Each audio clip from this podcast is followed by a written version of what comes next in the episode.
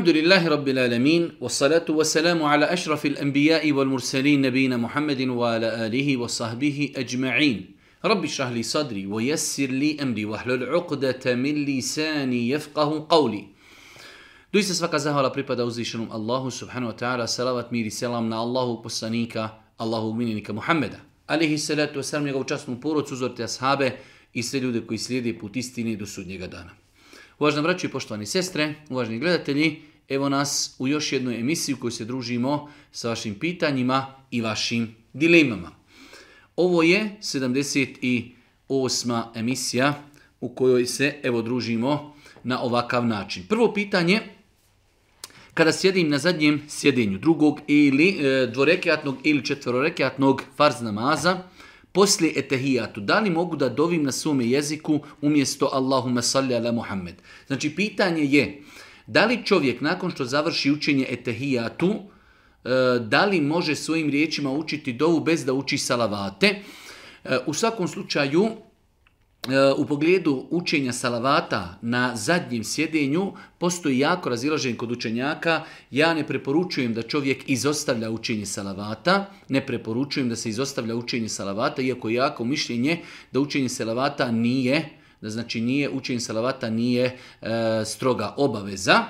E, ali u svakom slučaju, ako već neko želi da dovi u namazu, onda je to period kada završimo sa učenjem salavata. Znači, kada sjedimo na namazu, učimo etehijatu, učimo salavate. Nakon salavata možemo učiti dovu, kao što je došlo u vjerodostojnom hadisu, da je Boži poslanik rekao, neka nakon toga klanjač odabere najdražu njemu dovu. Tako da, e, učimo etehijatu na sjedenju, Zadnjim sjedinju učimo je salavate, nakon salavata učimo dovu i može se, inšala biznila, e, pogotovo ako je u pitanju na fila, učiti dova na materijnim jeziku, ako je u pitanju farz namaz, ja to ne preporučujem. Ja to ne preporučujem. Drugo pitanje, E, pitanje vezano da li je ženi obaveza da izdvaja zekijat na nakit koji posjeduje. Moja žena ima dosta zlata, alhamdulillah, prilike negdje oko 15 do 20 hiljada eura u vrijednosti i tako dalje. E, da li je obavezna davati zekijat na taj nakit?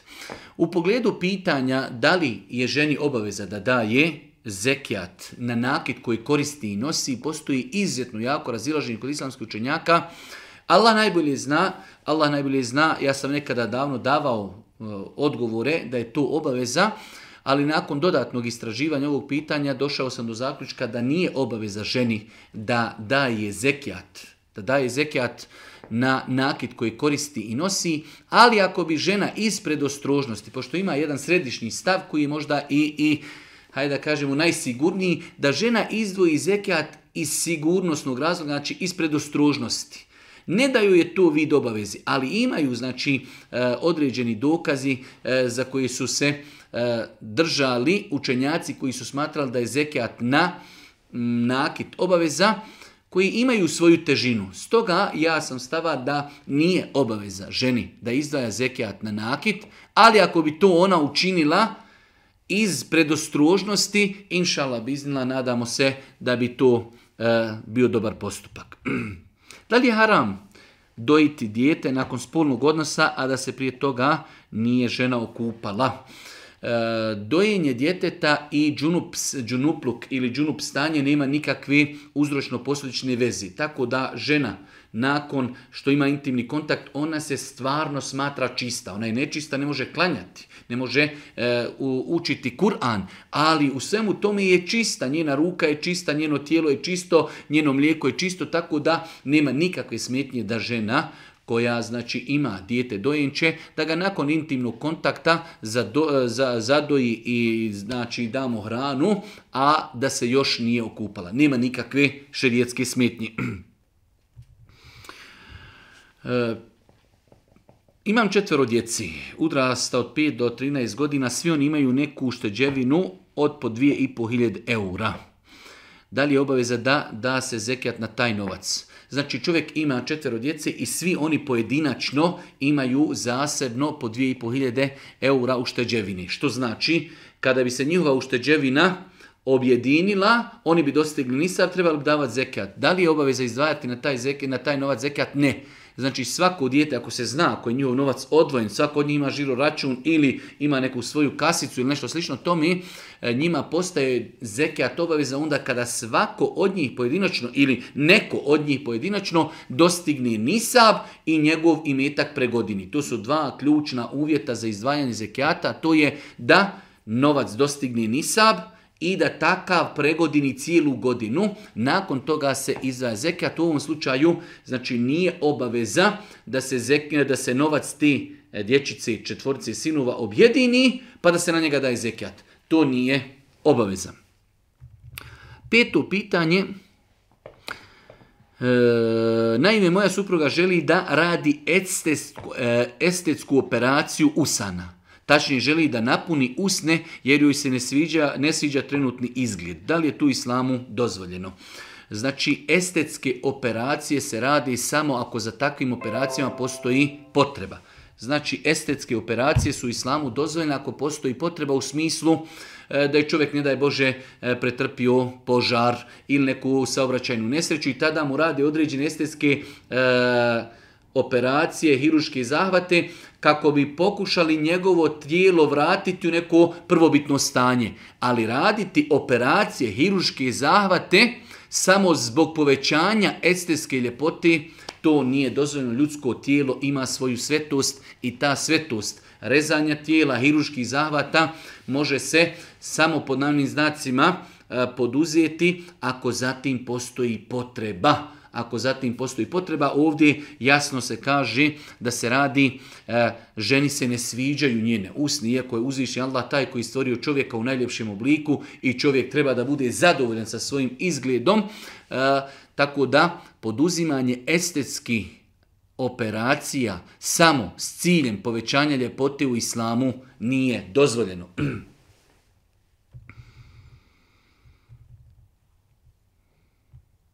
Zanimam koliko se kolje kurbana za rođeno muško dijete. Neko kaže dva, ako bi mogli da odgovorite. Da, tačan je odgovor kada je u pitanju klanje akike. Neispravno je akiku zvati kurban. E, ispravno je da je to znači e, kazati i ispravno je nazvati akika koja se kolje podom rođenja novorođenčeta. Došlo je u vjerodostojnom hadismu da je Allah kazao da se za muško dijete kolju dvije ovce, a za žensko dijete jedna ovca. Ako insan ne bi imao mogućnosti pa bi zaklao za muško dijete jednu akiku, jednu ovcu, inšala bi on je ispunio sunnet akike, ali ako baš neko ima mogućnost i želi da ispuni potpun sunnet, onda za muško dijete se kolje dvije ovce, a za žensko dijete jedna. Tako je došlo u vjerodostojnim hadisima Allahu poslanika alihi salatu wasalam. Jedno malo duže pitanje koje se na kraju krajeva svodi e, da li e, čovjek ako doživi e, poluciranje ili poluciju u snu, pa određen dio spermi znači dotakni, e, dotakni e, čaršaf ili dotakni posteljinu, da li je ta posteljina nečista ili ne. E, u pogledu pitanja da li je sperma čista ili ne, postoji jako razilaženje kod islamskih učenjaka, izuzetno jako razilaženje. Ja lično sam stava da sperma u osnovi je čista. Jer insan je stvoren od spermi, pa je nelogično s aspekta logike da je Allah stvorio čovjeka od nečega nečistog, a postoji drugi hadisi, vjerodostojni argumenti e, u kojima stoji, znači da je Allah poslanik ali se letu kada bi njegovu odjeću znači e, zadesilo i kada bi e, sperma kapnula na njegovu odjeću, da bi Aisha radijallahu ta'ala samo uzela tu odjeću i samo bi je protrljala, da je bila obaveza, znači da je to nečisto, ona bi to morala, ona bi to morala oprati. Tako da Allah najbolje zna, znači sama sperma, sama po sebi, s aspekta ili čista ili nečista, sperma je čista. E, tako da, e, shodno tome, ako se desi da kap, dvije, tri, manje ili više kapni na posteljinu, čovjekova posteljina je s aspekta islama i šerijeta čista. S aspekta higijeni, da li će on promijeniti posteljinu ili ne, da li mu se gadi da tu legne ili ne, to je nešto drugo. Mi govorimo s aspekta islama, to je čisto, to je čisto, svakako da je s aspekta higijenskog ljepše i bolje da čovjek promijeni posteljinu, ali da li mu je obaveza? Nije mu obaveza. Osmo pitanje. Hoću samo da znam da li konzumiranje duhana kvari abdest. Da li konzumiranje duhana kvari abdest? Konzumiranje duhana je haram i zabranjeno. Konzumiranje duhana je haram i zabranjeno, ali taj haram nema nikakve veze sa abdestom. Kao što čovjek, ne daj Bože, podava, može uzeti abdest i pogledati u ženu. Može slušati muziku, možda ne daj Bože nešto ukrasti, sve su te stvari zabranjene, ali to nema nikakve veze sa njegovim abdestom. Tako da nema nikakve uzročno-posljedične veze između konzumiranja određenog harama i abdesta. Tako da mi tvrdimo na osnovu e, toliko dokaza e, da je konzumiranje duhana zabranjeno zato što čovjek uništava svoj imetak, zato što time šteti sebi i zato što šteti ljudima u svome okruženju. To su tri glavna i ključna faktora da je konzumiranje duhana haram. Ali to nima nikakve veze sa čovjekovim abdestom, tako da ako bi se desilo da čovjek abdesti, nakon toga konzumira duhan, on konzumiranje duhana je učinio nešto što je haram zabrajno, ali njegov abdest je i dalje validan. Imamo jedno malo duže pitanje. Jedna žena kaže, kod mene mjesečnica obično traje 6 do 7 dana. Uvijek čekam zadnji iscjedak da bi mogla da se okupa. Međutim, kada čekam sedmi dan, ako mi ne dođe ni jedna kap od prethodnog dana, osjećam se griješno kao da sam ostavila neke namaze i tako dalje. Međutim, ako se okupam nakon šestog dana, nekada nakon kupanja, e, znači dešava se da se pojave određene kapljice, mjesečnice i tako dalje. Znači situacija je sljedeća, e, kako da se ponaša žena e, u periodu kada završava njena mjesečnica. Pa ova sestra iz bogobojaznosti kaže e, jednostavno e, boji se Allaha da e, odgađa kupanje jer se boji da je odgodila kupanje, a trebala je možda da neki namaze klanja. Ali isto tako nekada kada požuri sa kupanjem, nakon kupanja ponovo vidi određene tragove kao da još njen hajz ili mjeseca nisu završili. U ovom slučaju osnova je, ovo je veoma bitno, žena je u hajzu. Znači, žena je dobila mjesečnicu i mjesečnica traje šest dana. Kada će žena prestati? Onda kada bude e, kada će prestati biti u mjesečnici, kada joj obaveza se kupa, onda kada bude sigurna da je mjesečnica prestala. Tako da, e, znači, taj period, e, posljednji, znači, dan, žena neće biti griješna ako nije klanjala namaze, jer ona iščekuje da se mjesečnica završi. Svakako da e, kontinuitet krvarenja u zadnjim momentima nije kao kontinuitet u početku. Zato su žene znale slati, a iši, kao što je došlo vjerodostojno predaji, znale su je slati kuticu ili kutiju koji se nalazi pamuk, i na tom pamuku su, znači, slale su pamuk kojeg su one stavljale u, znači, e,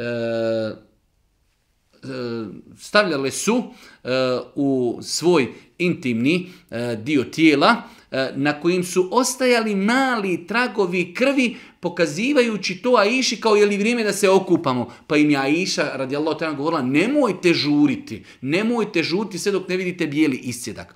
Pa znači mjesečnica se završava na jedan od dva načina. Ili imate određen broj žena koji imaju bijeli iscjedak. Kada žena vidi bijeli iscjedak, znači krvarenje, krvarenje, krvarenje i onda se desi bijeli iscjedak, to je kraj hajza i žena će se tada kupati.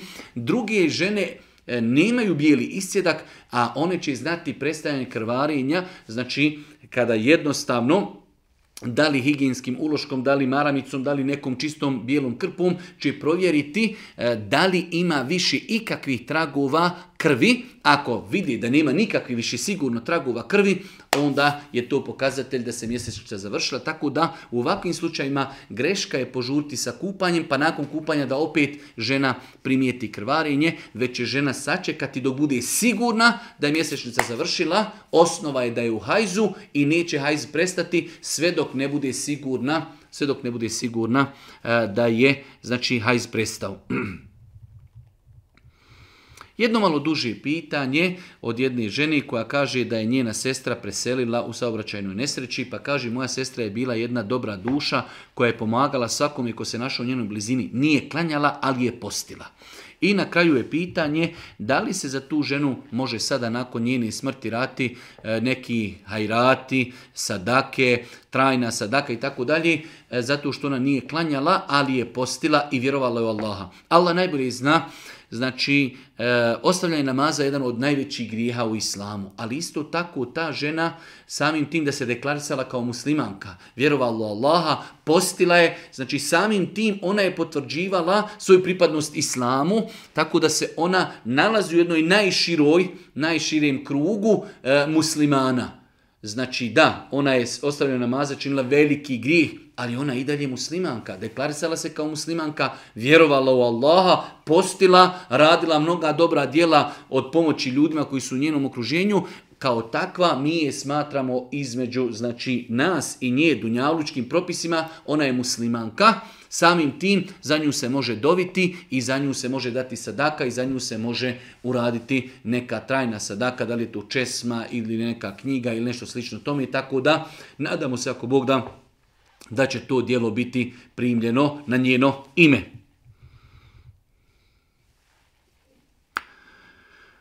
Može li se umjesto dovi poslije namaza učiti Allahumma rabbena atina fid dunja? Može li se umjesto dovi poslije namaza? Eh, prva stvar, dova poslije namaza, eh, treba da znamo da Boži poslanik Ali se selam nije kontinuirano učio dovu poslije namaza kao što je praksa to kod nas. Prva stvar, dova nakon namaza se ne uči džematile, to je jedna stvar. Eh, imaju određene hadisi iz kojih se može shvatiti da je pohvalno i lijepo nakon namaza učiti dovu ali to će čovjek raditi pojedinačno, ne grupno, ne džematile i povremeno, ne poslije svakog namaza. Znači, e, Allah najbolje zna da nije ispravno da svaki put čovjeka završi namaz, podigne ruke i svaki put dovi. Jer to nije bila praksa Božih poslanika, ali se letu ali imaju određen hadisi iz kojih se može shvatiti da je vrijeme poslije namaza blagoslovljeno i da je to vrijeme kada se nadamo da će dove biti primljene, ali ne da to bude kontinuirano, a samim tim onda koju dovu učiti, bilo koju dovu, jedna od dova koja se može učiti jeste i Rabbena atina fid dunja fil ahireti vakina Znači, nije E, praksa Božih poslanika da je džematile učio dovu nakon namaza, kao što je kod nas praksa i najmanje što se zato može kazati da jeste da je to notarija i u tome čovjek ne treba učestvovati. Kada je u pitanju pojedinac, znači nije e, od sunneta, da čovjek kontinuirano svaki put poslije svakog namaza uči namasku dovu. E, pohvalno i lijepo je ponekada poslije namaza da se prouči dova, a koja će se dova učiti bilo koju dovu da insan prouči, znači e, za ono što je potrebno njemu, a jedna od naj najopširniji i najljepši dova jeste Rabbena atina fi dunja hasinu fil ahireti hasinu tuqina zaben nar. Gospodar podar nam dobro dunjalka i dobro ahireta i sačuvaj nas kazni u džehennemu. Imam problem sa brzim jezikom i nekada ne znam da kažem stvari koje ne, i nekada znam da kažem stvari koje ne želim i ne mislim u trenucima gdje e, ne razmišljam toliko i tako dalje. U svakom slučaju, znači osoba ima problem da nekontrolisano, nekontrolisano uh, uvrijedi ljude u svome okruženju. Kaže, imam problem sa brzim jezikom i nekada znam da kažem stvari koje ne želim i ne mislim u trenucima gdje ne razmišljam Doliko i onda malo dole još duži e, pitanje. U svakom slučaju, kako, kako e, riješiti ovakav problem? Riješiti ovakav problem na način da čovjek se prvo mora boriti sam sa sobom. Kontrola jezika e, je nešto čemu čovjek vjernik treba da pridaje veliku pažnju. Ne može čovjek dozvoliti da njegov jezik govori nešto čime on nije saglasan. Znači, moramo napraviti e, relaciju između mozga i pameti i našeg jezika. Ne može jezik govoriti. Možda imamo nekada naviku da nešto lupimo, reklimo kao uzrečicu, ali se time moramo boriti. Moramo se naučiti da, da kontrolišimo svoj jezik. Da ono što kažemo, kažemo hladni glavi i znamo šta govorimo. Tako da, e, jedna, jedna od savjeta jeste da se čovjek trudi, bori, pazi, da kontroliše svoj jezik, da ne dozvoli da priča prije nego što razum, mozak, pamet kažu da ova riječ je u redu. Čovjek treba da bude svjestan da će za svaku izgovorenu riječ biti pita na sudnjem danu.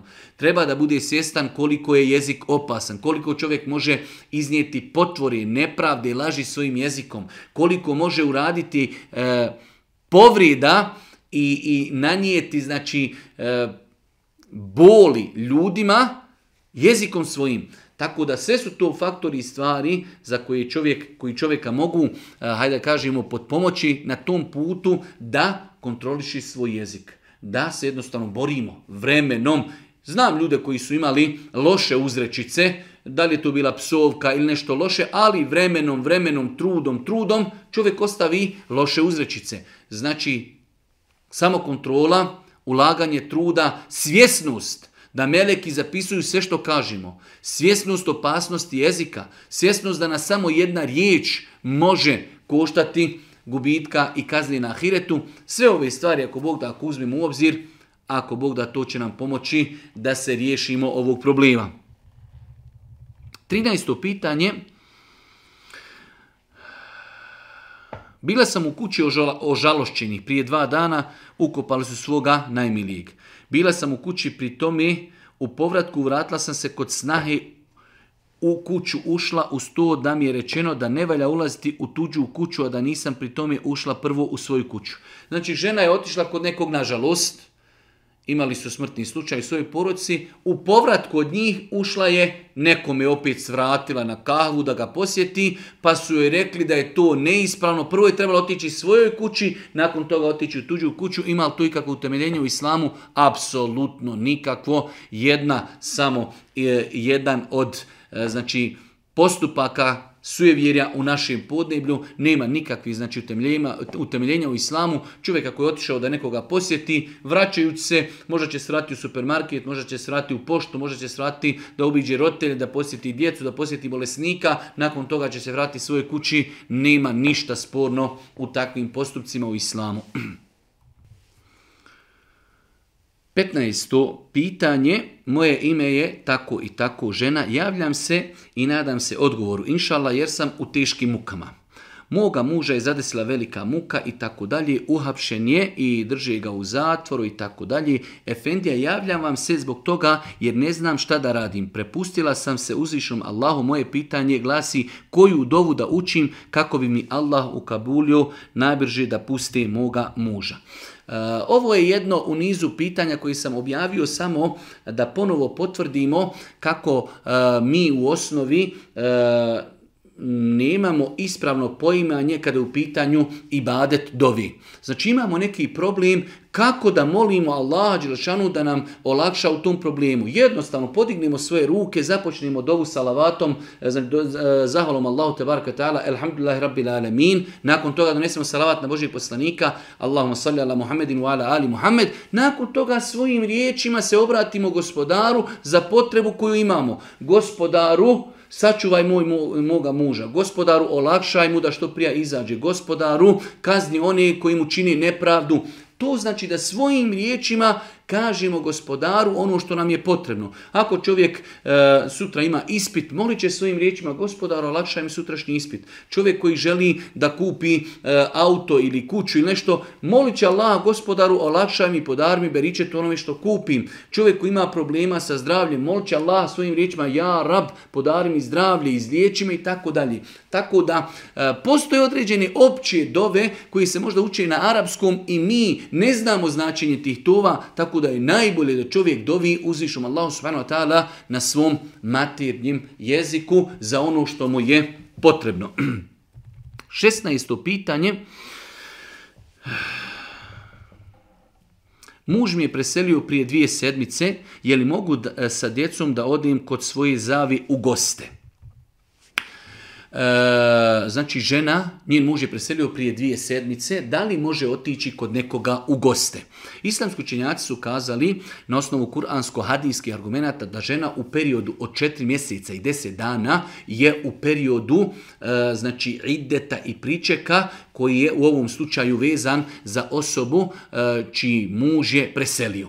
Znači, u tom periodu osnova je da žena treba da boravi u svojoj kući žena treba da boravi u svojoj kući, jedna stvar. Druga stvar, da u tom periodu četiri mjeseca i deset dana e, izbjegava maksimalno bilo kakve ukrase. Od šminke, od parfema, uljepšavanje i tako dalje. Nosit će neku, da kažemo, klasičnu standardnu odjeću. To je osnova. Znači da žena treba da bude u svojoj kući četiri mjeseca i deset dana nakon smrti svoga muža, da ne koristi nikakve znači, e, stvari uljepšavanja od mirisa, od parfema i tako dalje, od šminki.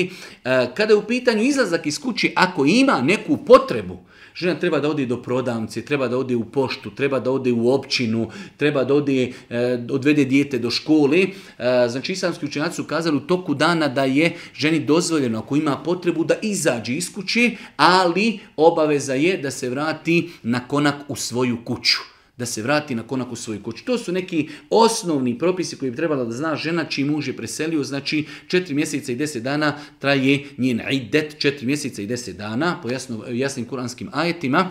U tom periodu treba da izbjegava e, znači bilo kakvo ukrašavanje i uljepšavanje, što obuhvata e, mirise, parfeme, šminku i tako dalje. E, nosit će klasičnu odjeću u kojoj nema nikakvih ukrasa, E, ako ima potrebu da izađe iz kući, to će uraditi po danu, ali ono što joj je potreba zaista nešto treba da odvede dijete do doktora, do školi, da ode na roteljski, da ode do opći, da ode do pošti i tako da nešto, da ode do prodance, da kupi hranu, nešto za egzistenciju, ali će se vraćati kući na konak. Eto, to je nešto osnovno što je trebala da zna žena u ovakvim situacijama.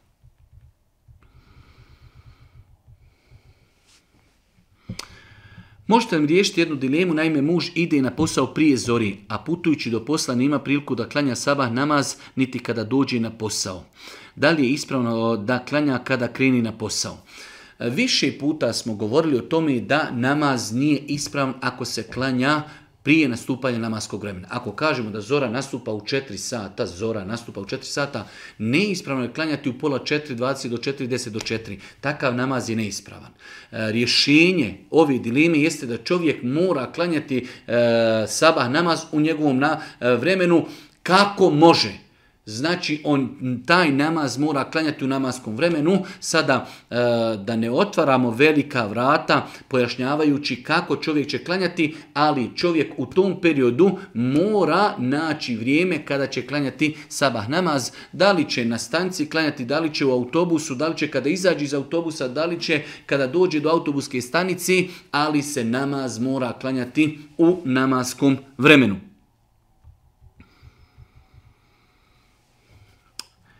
pošto sam ja muško, a puštam kosu da raste duži, da li postoji neki propisi kaka, kakvu muškarac treba imati frizuru i da li je dozvoljeno da ima dužu kosu? E, kada je u pitanju puštanje kosi, e, dio našeg naroda smatra da je puštanje kosi sunnet, što nije tačno.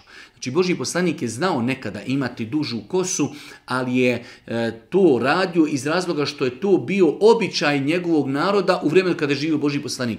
Ne postoji niti jedan hadis u kojem poslanik rekao puštajte kosu, kao što je rekao puštajte bradu. Pa je razlika između brade i kosi. Puštati bradu je obaveza, brijati bradu je haram. Puštati kosu je, e, znači, mubah, dozvoljena stvar. Čovjek ako hoće da pusti kosu, može da pusti kosu, neće imati zbog toga nagradu jer to nije i badet i s time što je Boži poslanik ali sad sam preporučio da čovjek pazi na svoju kosu, znači da je održava u smislu češljanja, stavljanja ulja i tako dalje. Jednostavno eh, i zbog ljudi koji sreći, i zbog higijeni i njegovog izgleda i tako dalje, ali ne postoje znači argumenti koji eh, ukazuju da je puštanje kose sonnet. E, puštanje kose je maksimum što se može kazati mubah dozvoljna stvar. Dozvoljno, znači čovjek koji pusti kosu ne možemo mu kazati da je griješan, ali isto tako e, nije, nema nagradu zbog tog svog postupka. Treba paziti na higijenu i treba paziti znači na svoj izgled. Volim slušati vaša predana, znam da e, i tako dalje. Mene zanima riječ babo ili što neki kažu tata. Sad mene zanima je li babo baš vjerski, jel nema musliman, je li nama muslimanima dozvoljeno reći tata i tako dalje. Ja svog babu zovem babo. Sada sam i ja postao babo, hvala Allahu, ali živim u toj i toj državi i kažu mi kako ćete dijete zvati i tako dalje. U svakom slučaju, pitanje je da li je obaveza svoga roditelja zvati babo i da li je dozvoljeno ga zvati tata. E, generalno mi znamo većina Bosni, e, znači e, običaj u Bosni je da dijete svoga oca zove babu. Ali isto tako ne vidim ništa sporno u tome da u sredinama, pogotovo to je bilo više prije rata, a i nakon rata zastupljeno da se u većim sredinama, u gradovima, da djeca oca zovu tata. Eh, ako roditeljima to ne smeta i pogotovo imamo nekada sredine gdje ljudi eh, smatraju ako bi drugačije zvali svoga roditelja eh, mimo tata, da bi se time srstavali u neku kategoriju ljudi, nekulture i tako dalje. Tako da ne vidim u tome ništa sporno. Mislim da se ova stvar vezuje čisto za običaj. Ja sam, primjer radi, iz Srednje Bosni. U Srednjoj Bosni ljudi, muslimani, hljeb zovu hljebom, a nemuslimani zovu hljeb kruh. Kada sam otišao živjeti u Sanski most, gore je situacija obrnuta. Muslimani hljeb zovu kruh, a nemuslimani e, kruh zovu hljeb. Tako da su to stvari e, koje ne treba vezivati za vjeru. To je jednostavno stvar, znači navike, e, mislim da to ne potpada uopće pod pojam vjeri, e, to je običaj, e, ljudi čija djeca roditelje zovu babo, nema u tome ništa sporno niti smetnji, ali isto tako e, da u nekim sredinama muslimani svoga roditelja zovu tata zato što su tako naučili od svojih roditelja, takav ambijent je gdje oni žive, ne vidim ništa sporno u tome.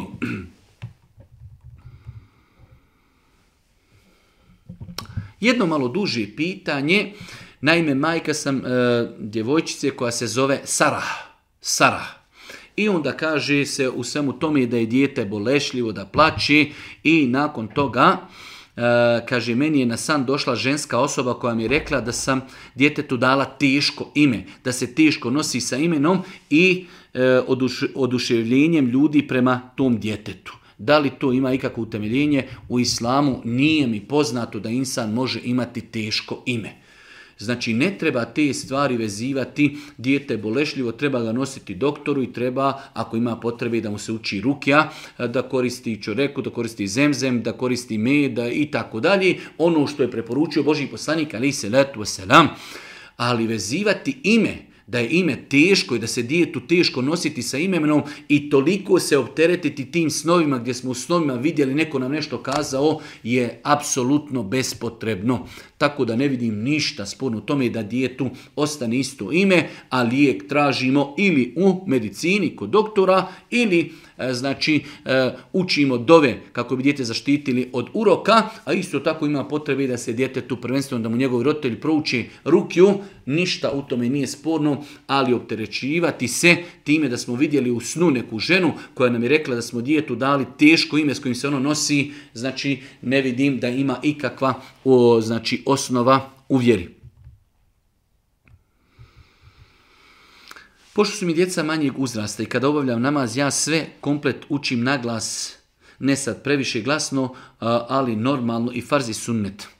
E, iz razloga da djeca mogu učiti od mene i tako dalje. Ne vidim u tome ništa loše da roditelj u namazu uči naglas kako bi njegova dječica koja klanjaju pored njega naučila kako se namaz klanja, jer učenje u namazu, kakvoća učenja je sunnet. Što znači e, podnik Indija se uči u sebi, akšam, jacija i saba se uči naglas. Ali kada bi čovjek podni učio naglas, njegov namaz je ispravan i kada bi akšam učio u sebi ili jaciju ili saba, njegov namaz je ispravan. Tako da u ovom slučaju čovjek je, hajde da kažemo, samo preskočio jedan sunnet, znači uči namaze naglas, tim što djeca već kada malo e, budu razumjela, treba da im pojasni da namazi podnik Indija se uči u sebi, e, saba, akšam, jace se uči naglas, ali da je on to učio kako bi djeca naučila, kako djeca ne bi pomislila da se svi namazi tako uči. Tako da, inšal vizna, ne vidim u tome ništa sporno da čovjek e, uči određen period, znači namaze naglas kako bi ako Bog da dječica naučila kako se klanja.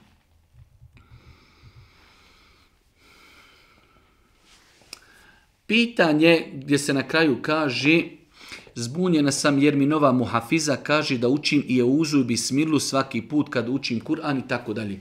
E, mi smo stava i o tome smo više puta govorili da kada čovjek uči Kur'an uvijek treba da prouči euzu. Euzu billahim ne rađim. Nakon toga kada otvorim mushaf pogledat će. Ako će učiti od početka sure učit će bismillahirrahmanirrahim. Ako uči negdje iz polovine suri, tada više ne treba učiti bismilu. Znači, euzu učimo uvijek. Kada hoćemo učiti Kur'an, učimo euzu billahi mine šeitanir a bismilu učimo samo kada učimo od početka suri. Ako učimo negdje, čitali smo prije toga hatmu i došli smo do 35. stranice u suri Al-Bekara i tu smo stali, otišli smo svojim poslom, vratili smo se, želimo nastaviti hatmu, samo proučimo euzu billahi mine nema potrebe da učimo bismilu. E sada, ima ljudi koji smatraju da se bismila uvijek treba učiti i to treba poštovati, ali isto tako i ljudi pred kojima se uči Kur'an, muhafizi i muhafize, ne treba da tim pitanjima pristupaju kruto. Ako sam ja stava da se uvijek uči euza i Bismila, a neko je tamo stava da uči samo uvijek euzu, a Bismilu samo ako uči od početka suri, treba ljudima to pustiti, pošto su to pitanja u pogledu koji islamski učinjaci imaju različite stavove, tako da treba znači ostaviti tu prostora da ljudi mogu odabrati jedno od dva mišljenja, a znači i nema sporno ništa u tome i da čovjek ako mu njegov muhafiz i muhafiza kaže uvijek uči je uzu i bismilu da ga posluša kada pred njim uči uči kako on traži kada uči kod svoje kući uči onako kako je on uvjeren da li se može ispraviti namaz sehvi seždom kada se izostavi etehijatu na prvom sjedenju? Može. Može. Znači, znalo se dešavati Božim poslaniku, ali se letu selam, da na četverorekiatnom namazu ne ostane sjediti na etehijatu, ustane na treći rekiat. Učenje znači etehijatu na prvom sjedenju. To su znači ona govorimo o namazu koji ima dva sjedenja, četverorekjatni ili trorekjatni. Prvo sjedenje je vađib. Šta znači vađib? Vađib je u namazu stvar koju, ako izostavimo iz zaborava, možemo i nadoknaditi sehvi seždom, a ne smijemo je izdostaviti namjerno, time pokvarili svoj namaz. Tako da e, moramo, sada kada bi htjeli opširno da govorimo, moramo znati u namazu šta su ruknovi, šta su vađibi, šta su sunneti. Sunnet ako preskočimo ili izostavimo nije nam e, u pitanju namaz nikako. Vađib u namazu ako izostavimo u zaboravu, kao prvo sjedenje na e, znači drugom rekiatu, kada prvo sjedenje u četvrrekijatnom namazu ili trorekiatnom. ako preskočimo učenje, znači tehijatu, ustanemo u zaboravu, nadoknadit ćemo to e, znači sa dvije sehvi seđde prije selama ako se desi. Da rezimiramo, pošto je ova tema e, sehvi sežde izuzetno duga, e, može li se nadoknaditi i da li je ispravan namaz osobi koja je klanjala trorekjatni ili četvorekjatni namaz, zaboravila je e, prvo sjedenje, ustala je na treći i na četiri rekat, nije namaz ispravan prije prije selama, če, kada završi etahijatu, kada završi znači, učenje etehijatu i salavata i dovi, uradit će dvije sežde, vratit će se i predat će selam jer je oduzela i skratila nešto od namaza. Zašto smo ovo dozvolili? Zato što je učenje etehijatu vađib. Vađib u namazu, ako izostavimo u zaboravu, to možemo nadoknaditi sehvi seždom. Ako izostavimo namjerno, namaz je pokvaren. Da li je istina ako obneseš nešto vatrum, da to skida sihr sa toga ili je to novotarija i tako dalje. Kada bi tako bilo lako riješiti se sihra, svi bi to obnosili vatrom i mirna Bosna obnošenje vatrom oko nečega čemu je napravljen sihr nema nikakvog utemeljenja u islamu, ili je to sujevjerje, ili je novotarija, ili je, ili je šta god da je, ali to nije nikakav validan šerijetski način u liječenja od sihra. Od sihra se liječi učenjem dova, e, zikrom, Kur'anom, rukjom, i tako dalje, a znači obnašanje i nosanje vatri oko nečega nema nikakve veze sa liječenjem od sihra.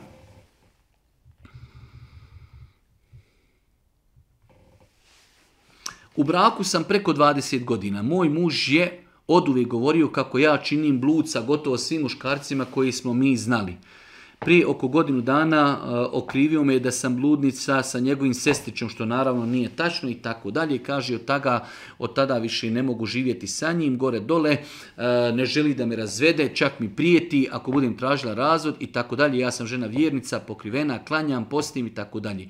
Generalno, e, u ovakvim slučajima kada muž potvara ženu za nemoral, što je jedan od najvećih grijeha u islamu, potvoriti ženu da je počinila blud, jedan od najvećih grijeha. Znači, da je neko počinio blud, može se dokazati samo na dva načina u islamu, ili da, znači, e, posvjedoči četiri svjedoka. Četiri svjedoka kažu, vidjeli smo da je činio blud, ili da sam čovjek kaže počinio je blud. Sve mimo toga može biti potvora. Tako da potvora ženi je vjernici jedan od najvećih grijeha u islamu. Jedan od najvećih grijeha u islamu.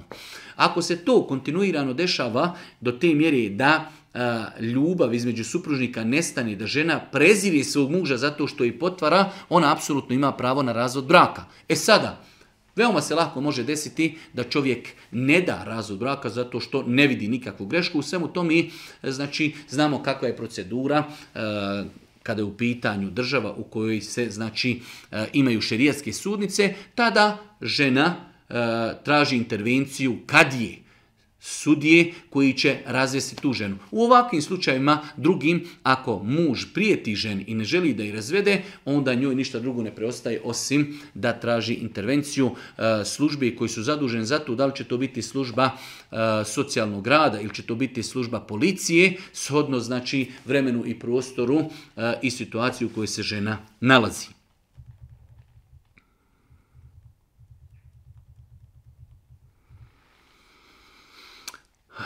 možete li malo bolje da pojasnite povod magarečijeg mlijeka koje je meni bilo lijek? Kako da kažem da je, isto mlijeko haram e, piti, a meni je pomoglo i tako dalje. U svakom slučaju, mi smo nekoliko puta pisali na našoj Facebook stranici o tome da e, je magarećije meso u islamu zabranjeno islamski učenjaci su ukazali, većina islamskih učenjaka smatrala da je meso e, domaćih magaraca nečisto. Ono je zabranjeno i ono je nečisto. Samim tim i ono što proizilazi iz e, znači mesa, to je mlijeko i samo mlijeko je nečisto. Tako da u tom kontekstu zabranjeno i većina islamskih učenjaka je smatrala da je zabranjeno se liječiti magarećim, magaret, pijenjem mlijeka. Ostaje sad situacija da u datom momentu čovjek ima bolest i pokušao je sve neke e, dozvoljene halal e, lijekove, ništa mu nije koristilo, e, ako je ta bolest tolika da jednostavno ima potrebu, mora se liječiti, pa da potraži lijek i u tome da konzumira nešto što je zabranjeno, znači postaje mu dozvoljeno zato što jednostavno to je potreba. Jednostavno čovjek ima potrebu, kao što bi u slučaju, ne daj Bože, da mu je potrebno da sačuva svoj život, bilo mu dozvoljeno da jedi e, lešinu, da pije, e, da, da pije ili da jede svinjetinu ili da pije alkohol, ali to je situacija, znači nuždi, nuždi. Ako čovjek je u nuždi, nema nikakvog drugog lijeka, nema preventive, nema alternative, nikakve druge, u takvom slučaju ako bi to koristio, e, tada to koristi svjestan da je to zabranjeno i da je to nečisto. Ovo je znači postavu većinskog dijela islamskih učenjaka. Htjela da vas pitam da li je dozvoljeno muslimanima da idu na svadbu. Ja sam prešla u islam prije tri godine, stavila hijđa prije godinu dana i tako dalje. U svakom slučaju odlazak na svadbu zavisi od toga šta će biti na svadbu. Šta će biti na svadbi? Ako na svadbi e, nema ništa što je sporno islamom i zabranjeno prema islamu, čak odlazak na svadbu može biti obaveza. Znači, ako na svadbi nema ništa sporno, niti zabranjeno islamom, a čovjek te lično pozove, skoro pa na stepenu obavezi da se čovjek odazove tako i svadbi. Ali ako na sadbi ima muzike, ako na svadbi ima alkohola, ako na sadbi muškarci i žene sjede zajedno, ako su žene otkrivene, ako ima kriske, vriske, e, muzike, alkohola, duhana, muškarci i žene pomiješano sjede, musliman, muslimanu je haram da se odazove na takvu sadbu i musliman vjernik ne treba da se nađe u takvom ambijentu.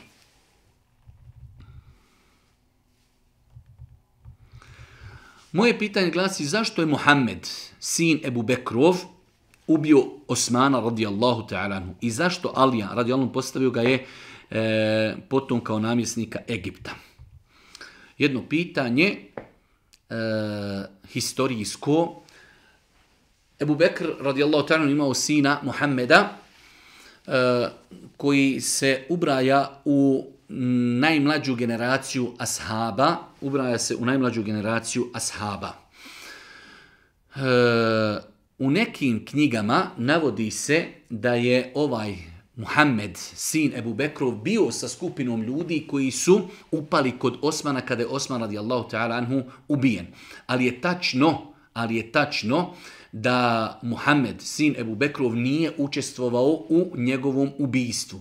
On jeste bio sa ljudima koji su se pobunili protiv Osmana radijallahu ta'ala anhu i bio je E, među ljudima koji su došli kod Osmana u njegovu kuću, ali nakon razgovora sa Osmanom radijallahu ta'ala u vjerodostojnim predaja koje su zabilježile knjige historije i sire kao u knjizi El Kamil fit Tarih od Ibnu Ethira, stoji da je e, Muhammed, sin Ebu Bekrov napustio tu skupinu ljudi i da je izašao od Osmana radijallahu ta'ala nakon razgovora sa njim, a nakon toga je uslijedilo e, ubijstvo Osmana radijallahu ta'ala anhu, tako da nije tačna konstatacija da je Muhammed, sin Ebu Bekrov učestvovao u ubijstvu Osmana radijallahu ta'ala anhu, kao što kaže ših Osman el-Hamis, e, nije potvrđeno historijski da je bilo ko od ashaba ashaba, ljudi koji su imali titulu da su ashabi, već su to ljudi koji su došli izvan Mekke, izvan Medine, ljudi koji nisu imali titula ashaba,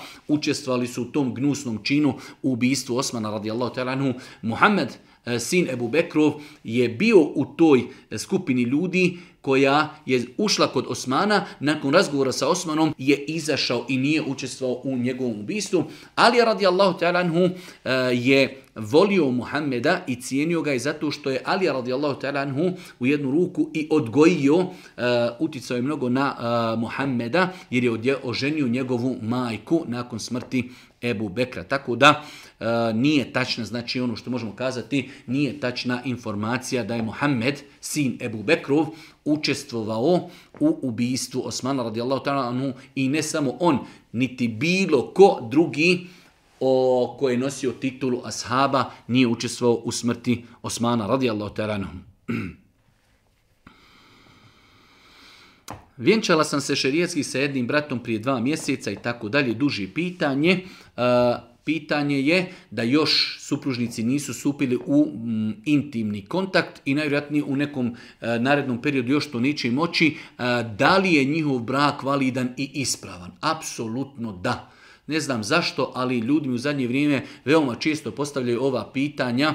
Da li ljudi ako se vjenčaju moraju odmah stupiti u intimni kontakt? Apsolutno ne. U arapskom svijetu većina arapskog svijeta praktikuje da se mladinci vjenčaju Samim tim oni su čovjek i žena, znači jedno drugom halal, ali stupaju u intimni kontakt tek nakon 2, 3, 4 mjeseca. Tako da ne postoji obaveza da, da supružnici nakon vjenčanja odmah moraju početi živjeti bračni život.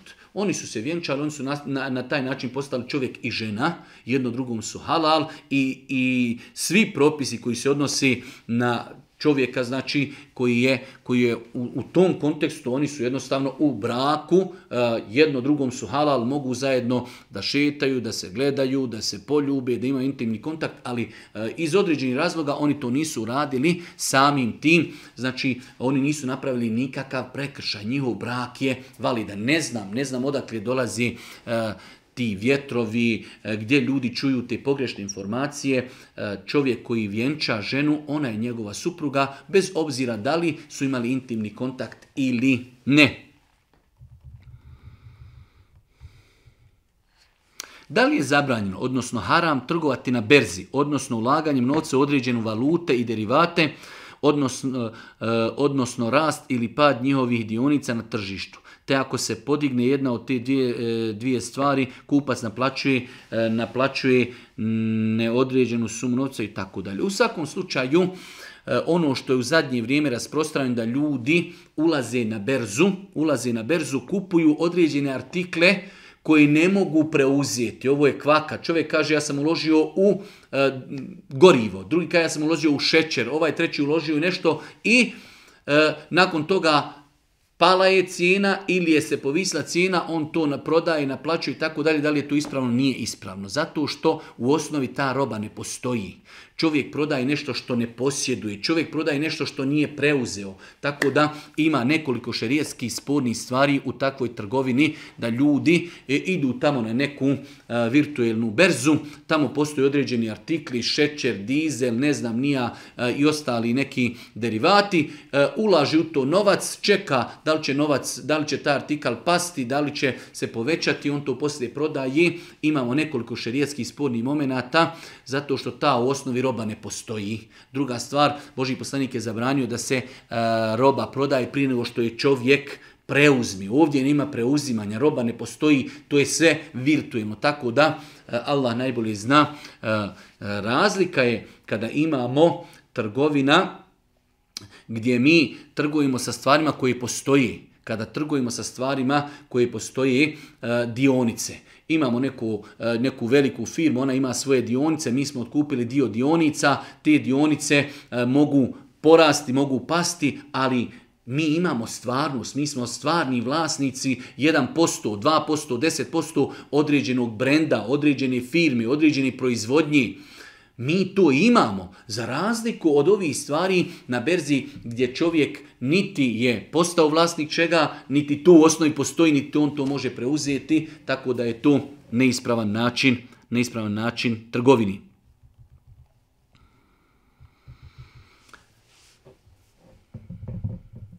Da li možemo zaklati akiku, ako je našim dječaku sada 13 godina? Kada se rodio nismo bili u financijskoj mogućnosti da zakljujemo akiku? Apsolutno da.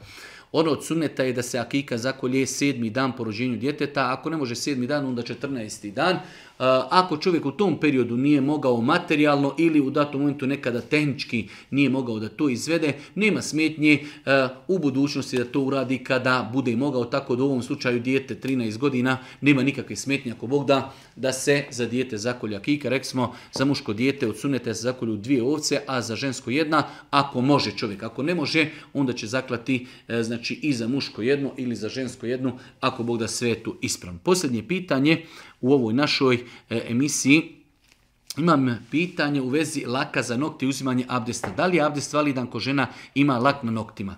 E, ako je žena uzela abdest preko nalakiranih nokata, njen abdest je neispravan.